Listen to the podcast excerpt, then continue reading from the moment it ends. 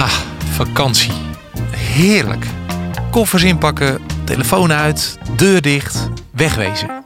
Niets is fijner dan je dagelijks leven even helemaal opzij te zetten en even bij te komen, toch? En ik doe dat het liefst ergens anders. Een nieuwe cultuur ontdekken, een ander landschap, genieten van lokale gerechten. En ik geef toe, meestal gaan we vliegen. Het is makkelijker, veilig en je bent zo op je bestemming. Het kost niet al te veel. Het is eenvoudig te regelen. Het is een paar keer klikken en klaar ben je. Dit jaar willen we naar het Gardameer. En dat is eigenlijk niet zo ver weg. Ik bedoel, je hoeft niet urenlang in het vliegtuig te zitten. Geen oceaan over te vliegen. Je hebt geen jetlag. Dus ik denk, de voetafdruk van een vlucht van Amsterdam naar Verona. Daar moeten we toch mee weg kunnen komen. Nou, ik heb hier een website die dat berekent. Dus ik ga het checken. En we zijn met vijf personen. Oké. 2 ton CO2-uitstoot voor onze retourvluchten naar Noord-Italië. Zo.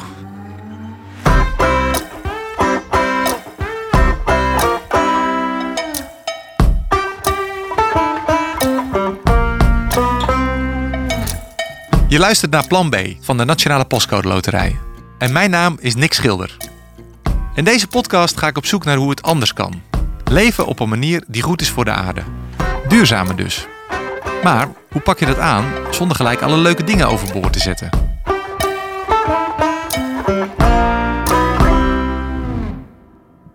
Het is nu twee dagen voor vertrek. Uh, we gaan voor het eerst uh, met de auto op vakantie. Kies? Ja, en het is gewoon bijna jammer dat dit een podcast is. Want als men had kunnen zien in wat voor bende wij ons op dit moment bevinden. Hoeveel tassen en ja, wat staat er nog meer? Dus zelfs een EBO-kist staat naast me. Past het wel in de auto, dit? Oh ja, jij ging ook mee natuurlijk. En dan zit je toch te denken, hè? een auto stoot toch ook best veel CO2 uit? Is dat dan zo verantwoordelijk? Niks schilder. Nou, we hebben wel een elektrische auto, dus dat scheelt. Eens kijken hoeveel CO2 onze reis gaat kosten als we met de auto gaan. Voor vijf mensen in een elektrische auto naar het Gardameer kom ik uit op 0,16 ton CO2. En dat is dus ongeveer 5% van de uitstoot van vliegen. Maar die heeft alleen wel een bereik van ongeveer 400 kilometer voordat hij weer aan de lader moet. Maar zie je op tegen de lange autorit? Nee, want we gaan, we gaan natuurlijk, we vertrekken naar Italië. Onze eindbestemming is Italië, maar we gaan via Luxemburg. En wat ik zo ideaal vind aan de manier waarop wij reizen, is dat we een tussenstop eigenlijk wat meer in gaan zetten als een vakantiestop. Dus onze vakantie begint al als wij in Luxemburg uh, uitstappen en daar vijf nachten verblijven. Daarna rijden we door uh, naar Zwitserland, waar we dan wel één nachtje uh, overnachten.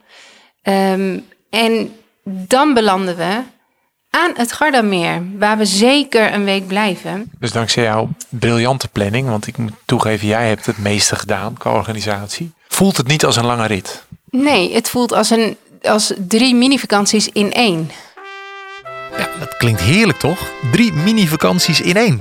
En we rijden door vijf of zes verschillende landen om uiteindelijk bij het Gardameer aan te komen. Dus we zullen het landschap langzaam zien veranderen, andere talen horen, lokale keukens ontdekken, noem maar op. Maar als je daar even bij stilstaat, waarom willen we eigenlijk zo graag reizen? Waarom kiezen we niet voor een vakantie in eigen dorp? Uitrusten en niks doen, daar hoef je toch niet voor op pad? Ja, dat reizen zit mensen echt in het bloed. Je zou kunnen zeggen, het zit in de genen. Um, de Romeinen deden het al. En daarvoor waarschijnlijk ook. Maar Dit is Paul Peters. En ik ben lector duurzaam vervoer voor toerisme bij de Breda University of Applied Sciences. Reizen, ja, dat zie ik de Romeinen wel doen.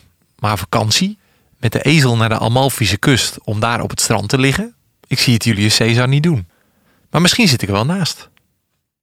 Het is best interessant om, uh, om zeg maar terug te kijken in de geschiedenis hoe het, het vakantiegedrag heel erg samenhangt met de soort vervoermiddelen en wijzen die we uh, tot onze beschikking hebben.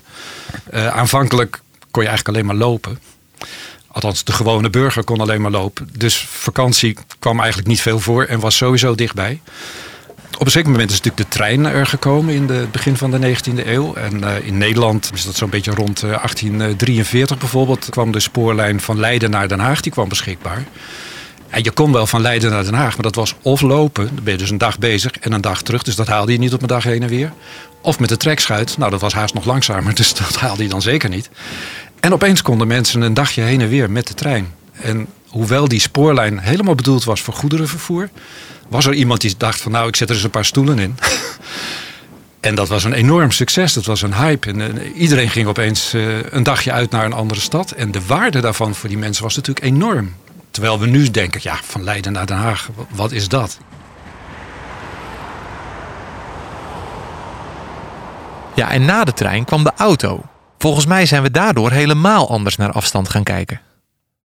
Als je aan iemand vraagt van hoe ver is het van uh, Amsterdam naar Utrecht, dan krijg je te horen dat dat drie kwartier is. Maar drie kwartier is natuurlijk een tijd, dat is geen afstand. Ja, we denken heel duidelijk in reistijd. En daarom heeft snelheid van een vervoerwijze heeft zo ontzettend veel invloed. Maar het vliegtuig heeft natuurlijk de snelheid enorm uh, opgehoogd. Want nou ja, een gemiddelde autorit op lange afstand mag blij zijn als je er 100 kilometer uh, uithaalt gemiddeld. En een vliegtuig zit al gauw op 800. Um, maar de afstanden die we afleggen heeft alles te maken met die vervoerwijzen die beschikbaar komen. Dus op het moment dat het vliegen betaalbaar werd voor de gewone burger, zijn we heel veel verder gaan reizen. Ja, we zijn wel echt verwend hè. We gaan naar Bali voor een yogacursus of een weekendje weg naar Malaga. Toch net ietsje anders dan op en neer van Leiden naar Den Haag. We komen met steeds minder tijd, dus steeds verder. Acht uur in een auto zitten is eigenlijk hetzelfde als acht uur in een vliegtuig zitten, toch? Met een auto bereik je dan misschien de grens van Zwitserland. Maar met het vliegtuig zit je dan al in de Rocky Mountains in Canada. Of in New Delhi in India. En dan hebben we het nog niet eens over de prijs gehad. Soms zie ik advertenties voor een vlucht naar Spanje of Zuid-Frankrijk voor 19 euro. En ik denk, hoe kan dat? Denk je dat mijn opa en oma met hun gezin naar een vakantiebestemming vlogen? Zeg maar, vlak na de oorlog was, was vliegen echt voor de rijken. En uh, dat gold in Nederland zeker ook. Dus uh, de maatschappijen waren niet gericht op lage kosten, maar puur op luxe. Je had uh, een stewardess die hele maaltijden kwam voorzien. En allerlei luxes had je onderweg. Je had flink de ruimte. Maar op een zeker moment heeft men ontdekt dat dat een veel groter deel van de bevolking ook wil vliegen. En dat als je maar heel veel mensen in een vliegtuig stopt en je dat allemaal heel efficiënt regelt, dat het een stuk goedkoper kan. En omdat zo'n vliegtuig zo snel is, is het ook eigenlijk heel goedkoop. Want ja, die piloot die kan in een uurtje kan die duizend maal het aantal stoelen achter hem. Dus zeg maar 300.000 uh, passagierskilometers produceren. En als een, uh, een trambestuurder dat moet doen, dan is hij dagen bezig. Dus de kosten van die piloot drukken op veel meer kilometers uh, dan van die trambestuurder. En daardoor is dat vliegtuig, nou ja, dat zit rond de 3, 4 cent per passagierkilometer. En die tram zit op 60. Dus we zijn steeds meer gaan vliegen omdat het goedkoper werd. En we zijn steeds verder weggegaan omdat vliegen sneller is. En omdat we het massaal deden, werd het nog weer goedkoper. Zoveel mogelijk mensen in een vliegtuig stoppen. Hele korte eh, stoptijden op, het, uh, op een vlieghaven. Zodat je nou, het vliegtuig zoveel mogelijk in de lucht hebt. Dan verdien je veel en dan spaar je natuurlijk op de, op de kosten ervan. Toen zijn ook die stedentrips heel populair geworden. Omdat je ja, met het vliegtuig kun je natuurlijk makkelijk uh, een duizend of een 1500 kilometer uh, weg. Dan ga je op vrijdagavond heen en dan op zondagavond weer terug. En dan heb je nog iets aan een, een weekend daar. Terwijl als je dat met de trein zou doen, dan heb je een hele leuke treinreis heen en weer. Maar je hebt nog niks van de stad gezien. Dus dat, dat werkt dan niet. Het vliegtuig heeft de reistijd eigenlijk bijna irrelevant gemaakt. Daardoor ook onze beleving van afstand aanzienlijk doen afnemen. Want iets is veel dichterbij gekomen in onze beleving, omdat het nog steeds maar zoveel uur reizen is. Um, maar er komt nog eens bovenop dat, uh, dat daardoor uh, zeg maar vakanties in bijvoorbeeld Kenia, die, uh, wat natuurlijk een heel goedkoop land is als het gaat over de kosten van hotels. En als je dat dan ook nog eens een keer met een zo goedkoop mogelijke vlucht doet, dan is dat echt goedkoper dan een, een precies soortgelijke vakantie in Zuid-Frankrijk. Dus daarmee is ook nog eens een keertje de, de prijsprikkel komen te liggen bij verdere vakanties. En toch is er nog een grens die, uh, die we nu daardoor heel erg aan het overschrijden zijn. En dat is de milieugrens. En met name uh, de klimaatgrens. En bij toerisme is dat een probleem. En dan vooral door die luchtvaart. Hoewel dat maar nou ongeveer een kwart van alle reizen is, veroorzaakt dat wel 75% van dat klimaatprobleem. Dat is één deel daarvan. Maar het grootste probleem is dat in de luchtvaart de oplossingen niet voor het opscheppen liggen. Nou, ho, wacht eens even. Als ik met het vliegtuig ga, dan klik ik altijd op het knopje waar je kan compenseren voor de voetafdruk van je vlucht. Dan worden er bomen geplant om de CO2-uitstoot te verminderen. Het kost een heel klein beetje extra, hooguit een tientje op een ticket naar Spanje. Maar dan is daarmee wel het probleem opgelost, toch? Nou, dan betalen we iets aan iemand anders die dan uh, zijn of haar emissies uh, vermindert. Het mag duidelijk zijn dat als jij uh, voor een reis 2 ton CO2-emissies veroorzaakt en je laat iemand anders 2 ton besparen, dat we netto niet naar nul gaan, maar nog op hetzelfde zitten. En we moeten naar nul. en wat erger is, heel veel van die projecten die blijken ook niet goed te werken. Je compenseert helemaal niet zoveel als je denkt. Um, en het geeft het idee dat je voor een paar tientjes de hele boel kan oplossen. En dat is gewoon niet zo. Het, is, uh, het zal ons veel meer moeite gaan kosten.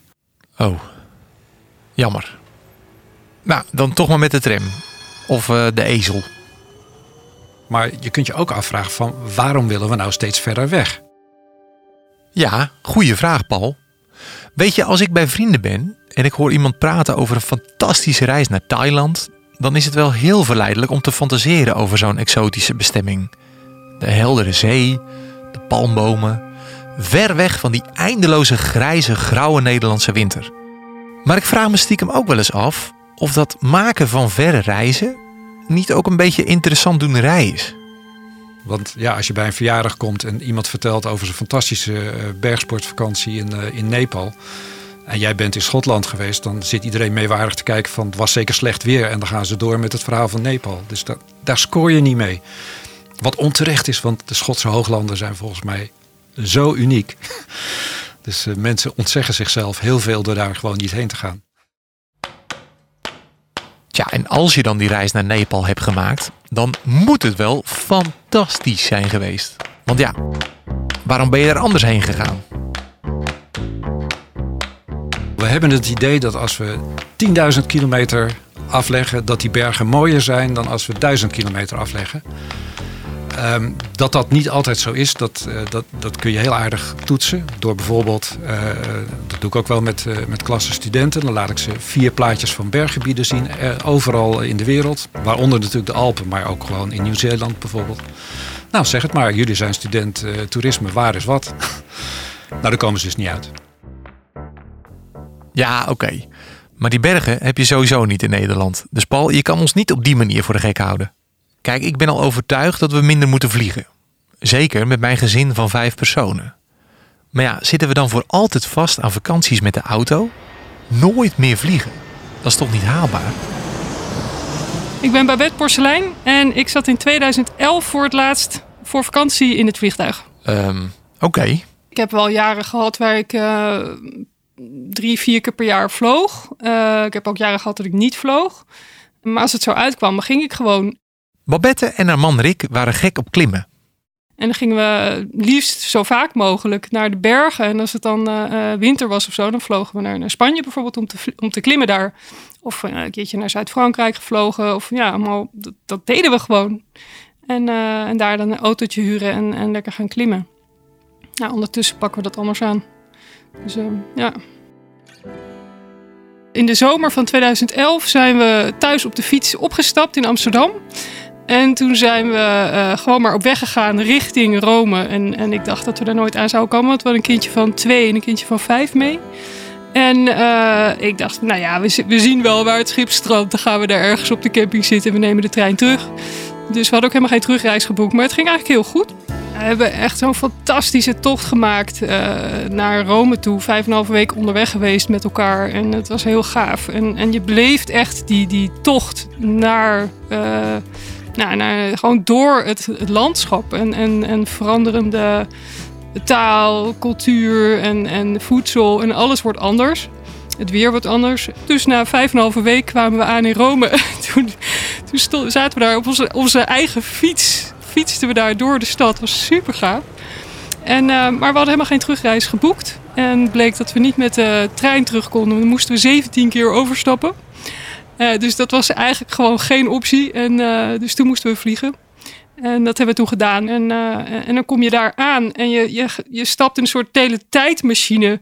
En je bent in een flits terug. Je slaat eigenlijk gewoon die, die hele tocht sla je over als je in het vliegtuig stapt. En ik vond het, ik vond het heel vervelend eigenlijk. Ik vond het heel raar en onwerkelijk om dat zo te doen. Die, ik wilde eigenlijk ook die terugreis wel weer meemaken of zo. In plaats van overslaan. Als je het vliegtuig stapt, dan, en dan sla je in feite dus de reis over. En dat, uh, dat vond ik gewoon stom. dat vond ik niet leuk. Ja. En, en je bent gewoon ineens weer terug. En, uh, en na zo'n intense tocht ging dat te snel. Zo, vijf weken lang op de fiets met twee kleine kinderen. Dat vind ik nogal wat. Waar zit dan de ontspanning? Het lijkt me meer een uitputtingsslag dan dat je lekker kunt bijkomen. We zaten de hele dag met elkaar te kletsen en dingen aan te wijzen. En, en ook wel stil of liedjes zingen of spelletjes doen. En dan als we dan stopten, dan gingen de kinderen lekker even spelen. En dan hadden we weer ergens een ijsje. En we stopten bij iedere speeltuin. Natuurlijk. En we maakten ook geen enorme lange uh, rit hoor. Een paar uur per dag fietsen. En dan, was je weer op een camping. En als je iedere dag een klein stukje fietst, dan sta je ineens na vijf en een halve week in Rome. En, en je bent gewoon ineens weer terug. Oké, dus geen meedogenloos Tour de France gevoel. Maar hoe kwamen ze überhaupt op het idee om nooit meer te gaan vliegen? Nou, ik zat begin 2014 met, thuis met Rick op de bank en we waren nog steeds gewoon in, in de modus van, uh, van vliegen op vakantie, geen enkel probleem. Dus, uh, dus we zaten nog steeds in die moed van oké, ja, um, ik wist niet beter, zeg maar. En, uh, en Rick die vertelde mij dat hij had uitgerekend dat er in een nieuwe auto voor vijf jaar en benzine zit. Van, hé, wat, hoezo? Ja, nou, zoveel energie kost het om een auto te maken. En we zijn allebei industrieel ontwerper, TU Delft, dus ja, we weten iets van, van uh, productie. Maar ik had me hier eigenlijk nooit zo mee bezig gehouden. Zo. Toen ben ik op onderzoek uitgegaan en toen ben ik uh, onder andere op zoek gegaan naar de impact top 10 van ons dagelijks leven. En um, daarin staat ook vliegen. En vliegen staat op nummer 5. En uh, van alle dingen die je kunt doen, is, is vliegen wel een van de meest schaalbare. Want als je één keer per jaar vliegt naar, zeg, uh, Portugal of zo, dan vlieg je zoals de gemiddelde Nederlander, staat hij op 5. Maar als jij bijvoorbeeld een keertje naar Thailand vliegt of zo, dan, dan staat vliegen bij jou op nummer 2. Dus uh, daarom is vliegen voor mij was meteen, oké, dat, dat doen we gewoon niet meer. Het is klaar, want het heeft heel veel impact per, per vlucht al. Heb wel heel veel uh, van die um, berekeningen gemaakt om uit te rekenen hoeveel bomen je zou moeten planten als je een bepaalde vlucht maakt. Want dat vind ik altijd leuk om, om op die manier te laten zien hoeveel impact iets heeft. Hè? Het, om te rekenen het aantal bomen dat je zou moeten planten om het weer te compenseren. En bijvoorbeeld een retourtje Dubai, 6,5 uur vliegen is 143 bomen, bijvoorbeeld, die je zou moeten planten. En een retourtje Bali is uh, eh, 980 bomen, die je zou moeten... Hè, per persoon, hè? Niet voor het hele vliegtuig, maar per persoon. Jeetje, dan moet ik dus een heel Amazonegebied gaan planten. Toen ik aan het, uh, aan het onderzoeken sloeg en ontdekte wat er allemaal impact heeft in je dagelijks leven, toen kwam ik erachter dat we in Nederland leven alsof we drieënhalve aardes hebben. En die hebben we niet. We hebben er één. Dus uh, als je binnen de draag, als je duurzaam wil leven, ga je binnen de draagkracht van de planeet leven. Dus dat betekent van 3,5 aardes terug naar 1. Ah, nou, oké. Dus je zou eigenlijk, als je binnen de draagkracht van de aarde wil komen als gemiddelde Nederlander, zou je dus uh, twee derde van je impact af moeten halen. En dan kom je binnen de draagkracht van de aarde.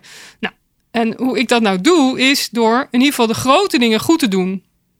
De enige uitzondering die ik nog zou maken om te vliegen is um, als ik daarmee uh, heel veel mensen zou kunnen inspireren om duurzaam te gaan leven.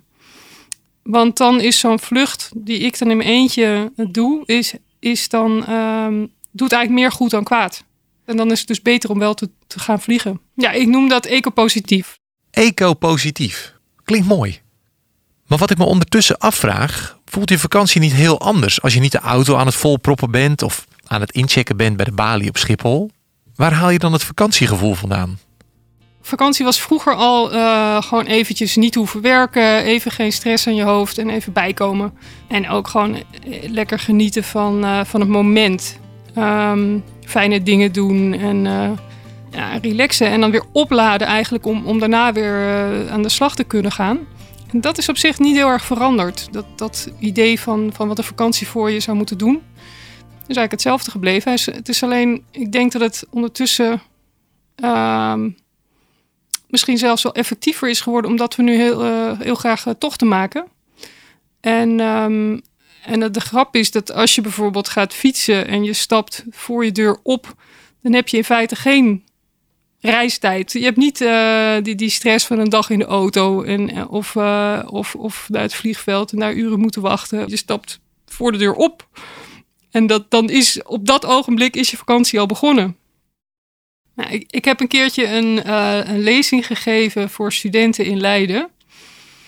En er was een meisje of studenten en die, die zei van ja, nou, maar het kan nou wel zijn dat, we, uh, dat vliegen zo, zo slecht is voor het milieu.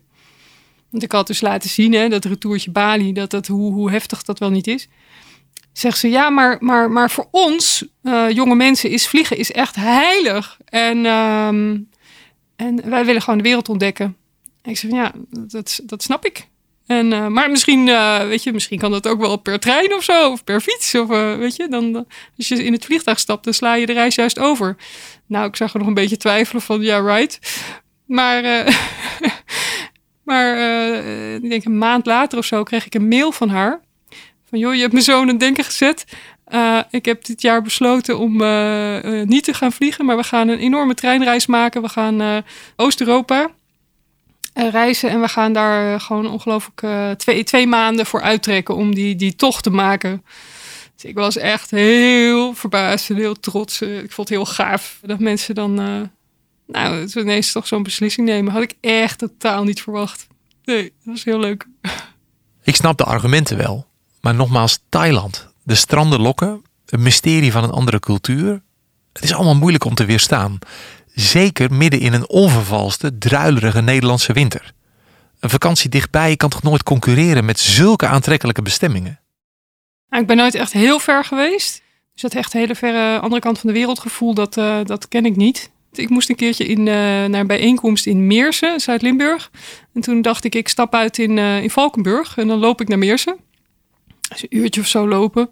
En, en ik liep langs de geul door het bos. En het was er zo mooi. is echt niet wat ik meemaakte. Ik dacht van jeetje joh, het lijkt alsof ik hier ergens in Zuid-Frankrijk loop. In, in Europa is het gewoon fantastisch om op vakantie te gaan. Uh, zelfs in Nederland is het nog heerlijk. Weet je, het, het, gaat erom dat je gewoon ergens bent en doet wat je fijn vindt. En, en dat je gewoon in jezelf tot rust komt. En dat kan anywhere zijn. Maakt helemaal niet uit waar je bent. Ja, oké. Dus het hoeft niet per se een fietstocht naar Rome te zijn met drie jengelende kinderen. En misschien onderschat ik inderdaad mijn eigen werelddeel. Of zelfs mijn eigen land. Reizen gaat vooral over iets bijzonders meemaken. Even ontsnappen aan de dagelijkse routine. Dus dan moet ik die dingen dichter bij huis gaan zoeken. Hoe geweldig zou het zijn om hier exotische avonturen te beleven? En bijvoorbeeld op safari te gaan.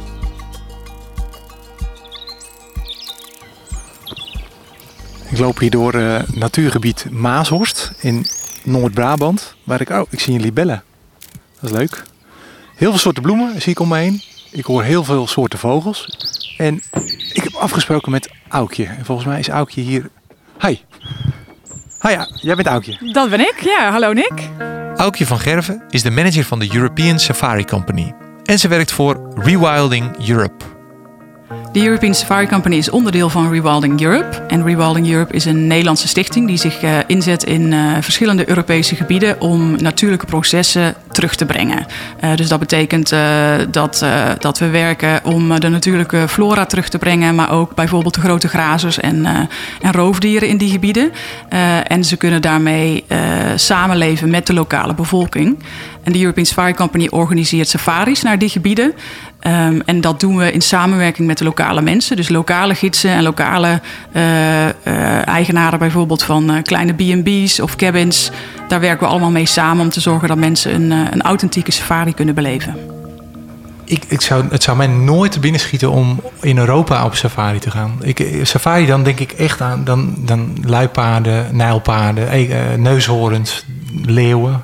Ja, nee, is ook logisch. Dat denken Ja. ook heel veel mensen. Ehm, en het is natuurlijk ook anders op safari dan in bijvoorbeeld Afrika. Want ehm, ja, daar eh, loopt het wildje bij wijze van spreken voor de voeten. In Europa is het natuurlijk wel anders. Je moet echt op zoek. Dus je gaat ook veel meer eh, op onderzoek uit. Je gaat sporen zoeken. Eh, je komt wolvenpoep tegen. berenharen op de bomen. Dus het is een heel andere manier van op safari te gaan. In Nederland kan het ook. De natuurgebieden zijn natuurlijk wel iets kleiner. Eh, maar bijvoorbeeld hier op de Maashorst eh, kun je bijvoorbeeld wisenten zien. Dat zijn eh, Europese bisons. Ontzettend zeldzaam en gewoon in Nederland te bewonderen. Mensen zeggen, goh, ik wist niet dat het, dat het bestond in Europa. En of ze nu naar Italië gaan, Kroatië, Roemenië of Portugal... ze zijn allemaal verrast bij wat, ja, wat Europa te bieden heeft. Je kan dus in Europa ook gevaar lopen als je, als je het, het wild ingaat. Ja, het is in, in Europa echt een stuk moeilijker dan in sommige andere gebieden op de wereld om, eh, om dieren te spotten. Omdat ze, ja, ze leven in een gebied waar ook heel veel mensen leven. Dus heel vaak zijn dieren ook schuw. Eh, dus je moet echt naar ze op zoek. En om ze te spotten ja, heb je gewoon een dosis geluk nodig.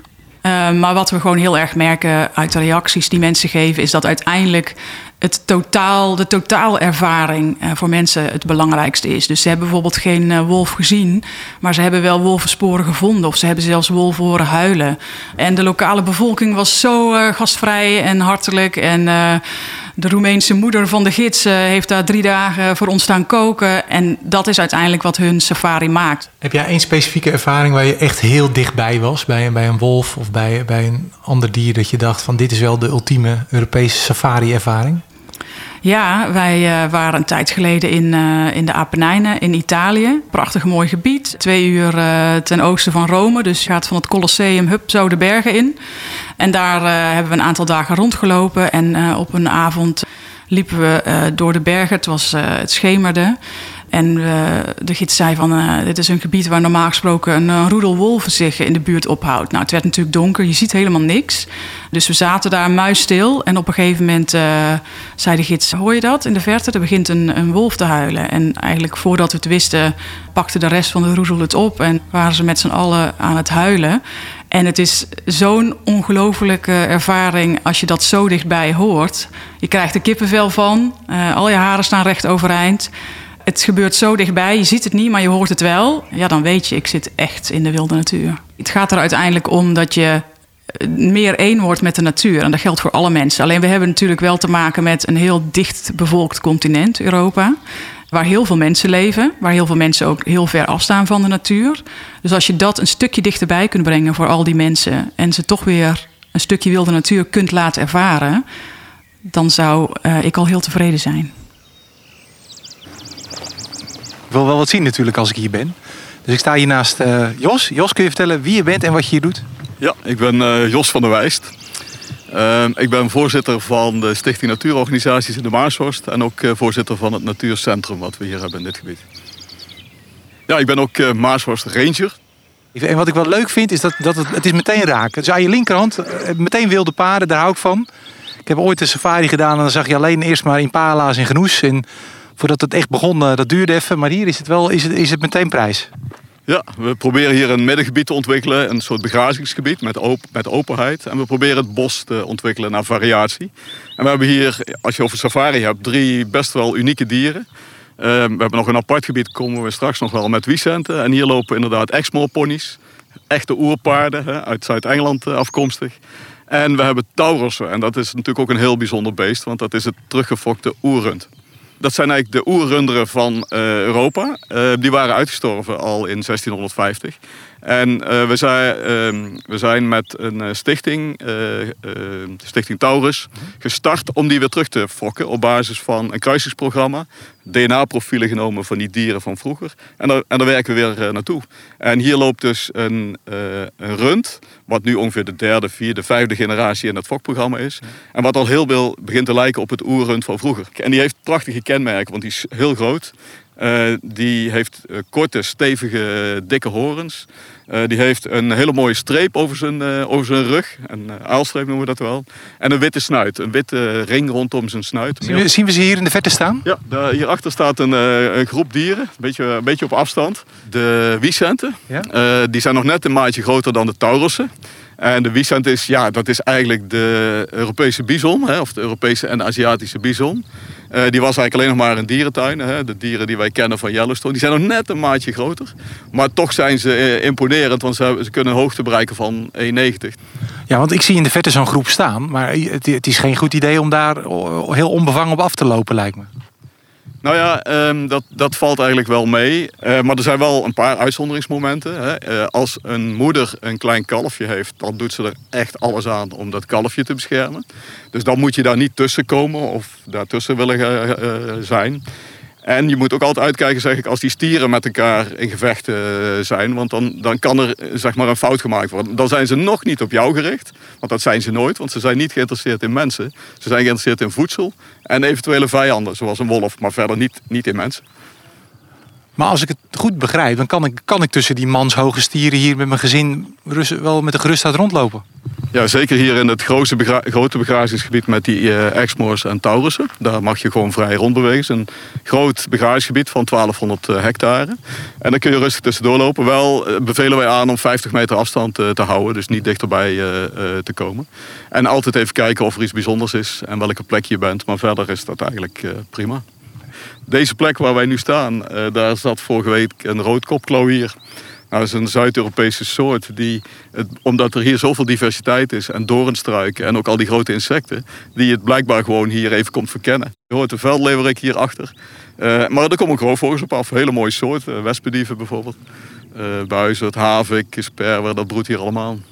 Want dat lijkt me wel lekker makkelijk aan dat het wilde diersoorten zijn. Je hoeft er niet meer naar om te kijken. Nee, dat klopt. Dus dat, dat is ook het, het idee van uh, vrije natuur of procesnatuur. De natuur zoveel mogelijk zijn gang laten gaan. Dan kom je ook weer het dichtste bij die biodiversiteit. Ja, we gaan even Vicente spotten.